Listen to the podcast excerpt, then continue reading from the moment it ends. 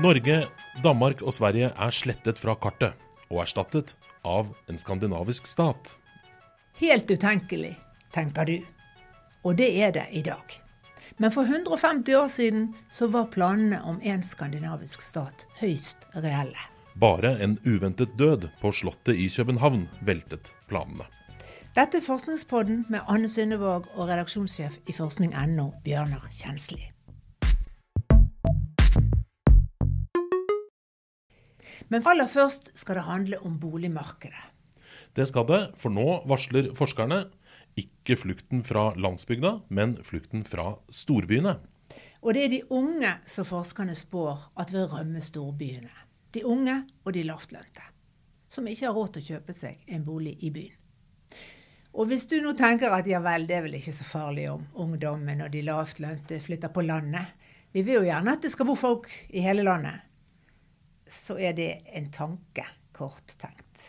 For de lavtlønte de gjør mange av de jobbene som er nødvendig for at livet i byen skal gå rundt. Og uten ungdommen så dør byen. Det er de unge som bruker byen mest og skaper liv i byen. Men nå har boligprisene økt så mye at det er umulig for de fleste lavtlønte unge å etablere seg i Oslo, f.eks. Og det er snart like dyrt å kjøpe leilighet i nabokommunene. Og denne utviklingen den ser vi jo i flere norske byer. Resultatet er at det er færre nordmenn som eier sin egen bolig i dag, enn bare for få år siden. Bare på fem år, fra 2014 til 2019, så sank andelen nordmenn som eide egen bolig fra 84 til 80% Og i dag så er det enda litt lavere. Og det er ikke rart. For i Oslo, der boligprisen har steget mest, så er det bare 1 av førstegangskjøperne som har mulighet til å komme seg inn på boligmarkedet uten hjelp fra foreldrene. Bare 1 Resultatet det er at forskjellene i samfunnet øker. Når færre eier sin egen bolig, så øker de økonomiske og sosiale ulikhetene. Det viser forskningen veldig klart, sier Mari Mamre til forskning.no. Hun er boligøkonom ved Norges miljø- og biovitenskapelige universitet på Ås. Og Hvis vi ser litt historisk på dette, så er det sånn at helt siden 1950-tallet så har politikerne lagt til rette for at flest mulig i Norge eier sin egen bolig. Etter krigen satte regjeringen i gang en storstilt boligbygging, samtidig som mange fikk rimelige lån i Husbanken. Og denne politikken førte til at de fleste i Norge fikk sin egen bolig. Eierlinjen kalles denne boligpolitikken. Og den fungerte utmerket den i mange år. Og har ganske sikkert bidratt til mindre forskjeller i samfunnet, sier forskerne. Men ikke nå lenger. mener de samme forskerne. For i dag skaper eierlinjen større forskjeller. Og det er fordi at det har blitt mye vanskeligere å komme inn på boligmarkedet, særlig i de store byene. Og da vokser forskjellene mellom de som er inne på markedet og de som står utenfor. Og de som blir stengt ute, de blir fanget i et leiemarked som er ustabilt og lite regulert, med høye leier som ingen kan trekke fra på skatten. I valgkampen nå i år så var boligpolitikk fremme i debatten for første gang siden 1950-tallet. Og det er noe nytt at plutselig nesten alle partier er opptatt av boligpolitikk, sier Mari Mamre. Men i dag er det større uenighet om hva som er løsningen, enn det var etter krigen. Høyresidens løsning er å bygge flere boliger. Venstresiden vil stramme inn på de gunstige fradragsordningene på skatten. Særlig for de som investerer i boliger som de ikke selv bor i. Og venstresiden argumenterer med at gunstige skatteordninger driver boligprisene i været. Ja, og det er nok eh, riktig. Men boligmangelen driver også boligprisen i været. Så både det å bygge flere boliger og skjerpe skatten for bolig nummer to vil dempe prisstigningen, mener forskerne. Men det er ikke nok. Mari Mamre sier til forskning.no at politikerne også må tenke helt nytt hvis de skal hindre at unge og lavtlønte rømmer byene. Det har andre storbyer blitt tvunget til. I London f.eks., for, eksempel, for der falt andelen som eide egen bolig dramatisk etter finanskrisa i 2008.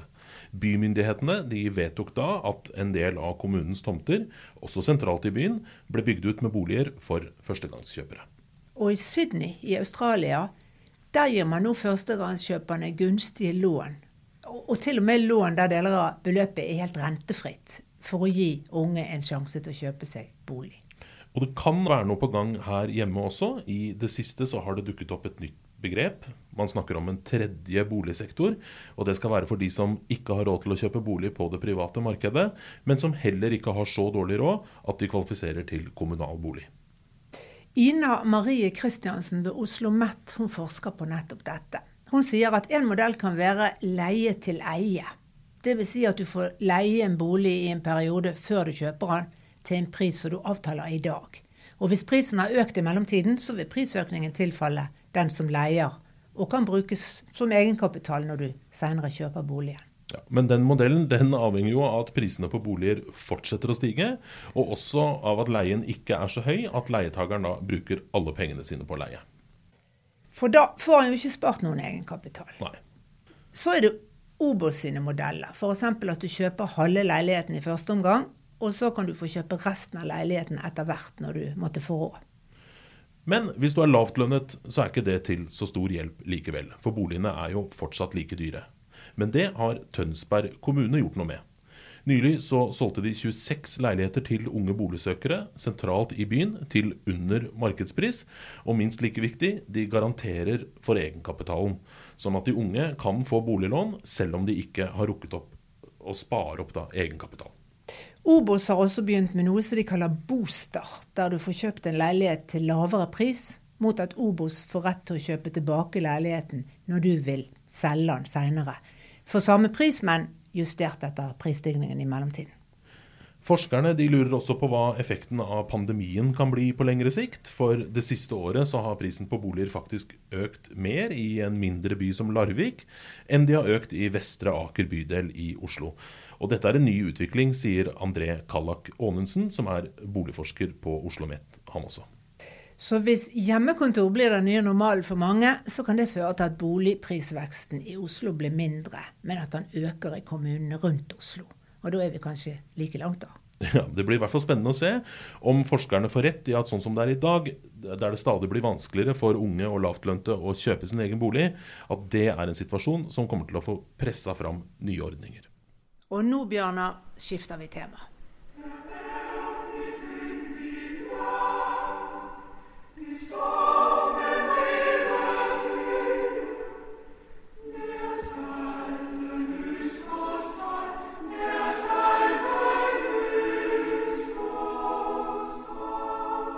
Dette er helt riktig.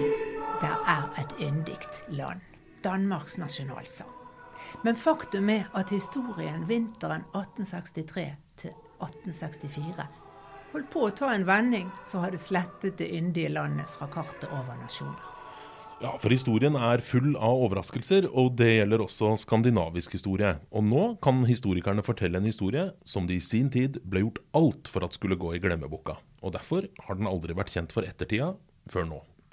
Få hør på denne utenkelige historien. Statsministeren i Danmark planlegger i all hemmelighet, sammen med både kongen av Danmark og kongen av Sverige, å provosere tyskerne til å gå til krig mot Danmark.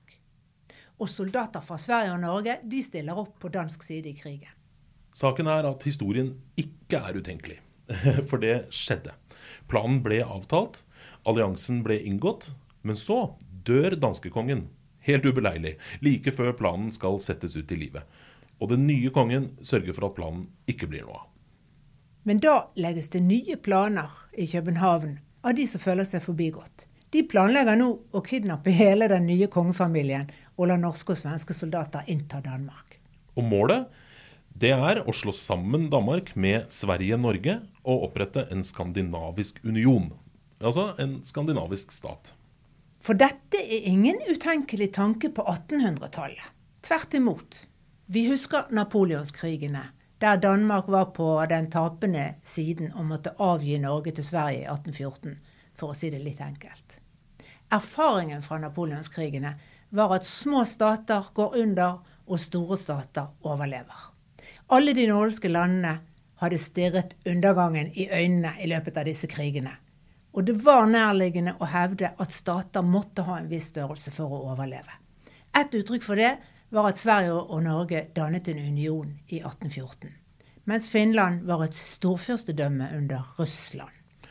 Men hva med lille Danmark? Her var framtida mye mer usikker. Ikke minst fordi mange i storfyrstedømmene Slesvig og Holstein ville løsrive seg fra Danmark og heller bli en del av et stort samlet Tyskland.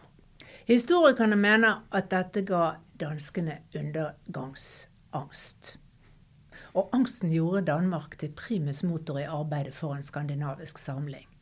Men også i Sverige og Norge så var det mange som mente at det ville være en kjempegod idé å inkludere Danmark i unionen. Sammen er vi sterkere, tenkte de.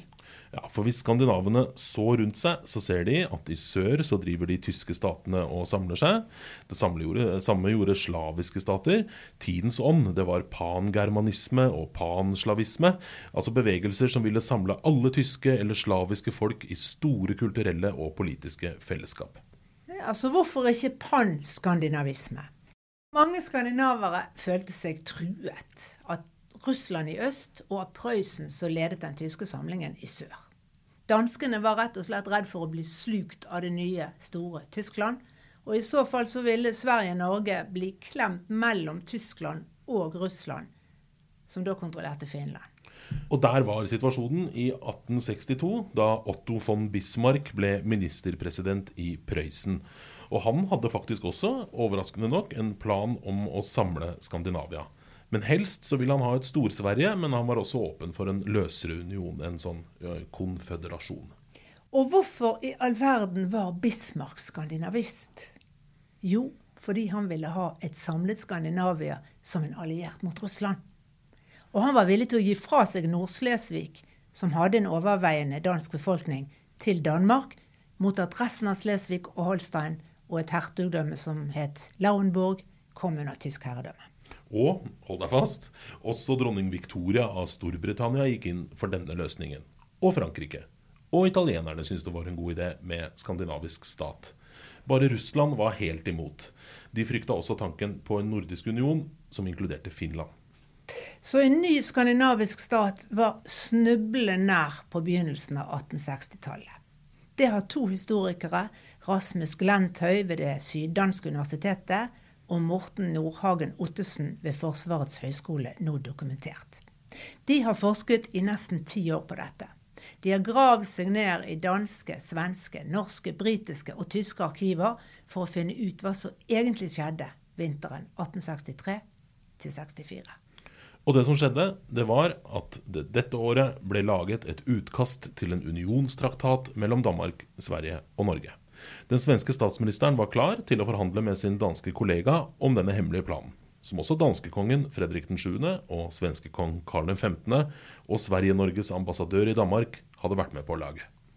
Planen var å fremprovosere en krig for å skape et politisk klima for unionen. En kort krig mot Prøysen og Østerrike i Slesvig skulle legge til rette for et nytt initiativ. For det som virket umulig i fredstid, nemlig å danne en ny skandinavisk stat, det kunne en krig gjøre mulig. Tanken var å tape hertugdømmene Holstein og Lauerborg til Prøysen, og om nødvendig dele Slesvig mellom Prøysen og den nye skandinaviske staten.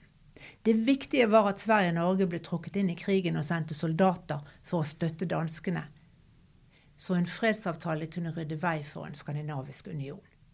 Da ville danskekongen gå av, og Karl 15. arve dansketronen også. Og kongen av Danmark han var underlig nok med på denne planen som ville bety slutten på hans kongedømme. Litt av en plan, ganske dristig og kanskje litt dumdristig? Det vet vi ikke. For planen ble aldri satt ut i livet. For danske kong Fredrik 7. døde fullstendig ubeleilig i november 1863. Og den nye kong Kristian 9. han avsatte straks statsministeren som skulle forhandle frem avtalen på vegne av Danmark. Det førte til at de forsmådde toppolitikerne som nå måtte se sin plan om skandinavisk samling gå i vasken, laget et utall av nye ville planer for å få den nye kongen vekk. Vi snakker om både kidnapping av kongefamilien og regelrett statskupp. Men det ble det heller ikke noe av. Den nye danskekongen, da, som naturlig nok kanskje ikke ville gi opp tronen til svenskekongen, han lagde sin egen plan om å innlemme hele Slesvig i Danmark. Det mente han kunne gå bra med Russlands støtte. Det gjorde det ikke. Bismarck ville ikke ha noe av Kristian 9. sin plan, og resultatet ble krig. En brutal krig for Danmark. som tapte alle de tre tyske hertugdømmene Holstein, Lauenburg og hele Slesvig. Og soldater fra Sverige og Norge glimret med sitt fravær i krigen. Det opprørte både Bjørnstjerne Bjørnson og Henrik Ibsen, som glødet for skandinavisk samhold, og skrev harmdirrende dikt om den norske unnfallenheten da vår broder i sør var i nød. Og sånn endte de storstilte planene om å samle Skandinavia til ett rike. Og kanskje få med Nordre Slesvig i Skandinavia også. Men det kunne også endt med at Danmark hadde forsvunnet, delt ved Lillebelt mellom Prøysen og et nytt Stor-Sverige. Alle disse alternativene var på tegnebrettet, forteller historikerne. Så dette er altså historien om det som ikke skjedde. Og etterpå, etter krigen, så gjorde de danske politikerne sitt aller beste for å slette alle spor om de hemmelige planene. Men heldigvis, de fikk ikke brent de brevene som de hadde sendt til Stockholm om sine planer om både union, statskupp og kidnapping. Derfor kunne historikerne Glentøy og Ottesen fortelle denne historien for de nordiske forsvarsministrene tidligere denne måneden. Men lærdommen fra krigen i 1864 det var den samme i hele Norden, sier de to historikerne. Nemlig at småstater må drive nøytralitetspolitikk og tilpasningspolitikk. Den linja dominerte i alle de nordiske landene fram til andre verdenskrig. Og i Sverige frem til i dag, mer eller mindre. Men ideen om ett land, Skandinavia, den gikk av moten etter hvert som nasjonalismen blomstra opp i alle landene. Men i sangen som regnes som den svenske nasjonalsangen, du gamla, du fria, du fjellhøga nord, som ble skrevet allerede i 1844, i unionstiden, der hører vi at ideen var godt forankret.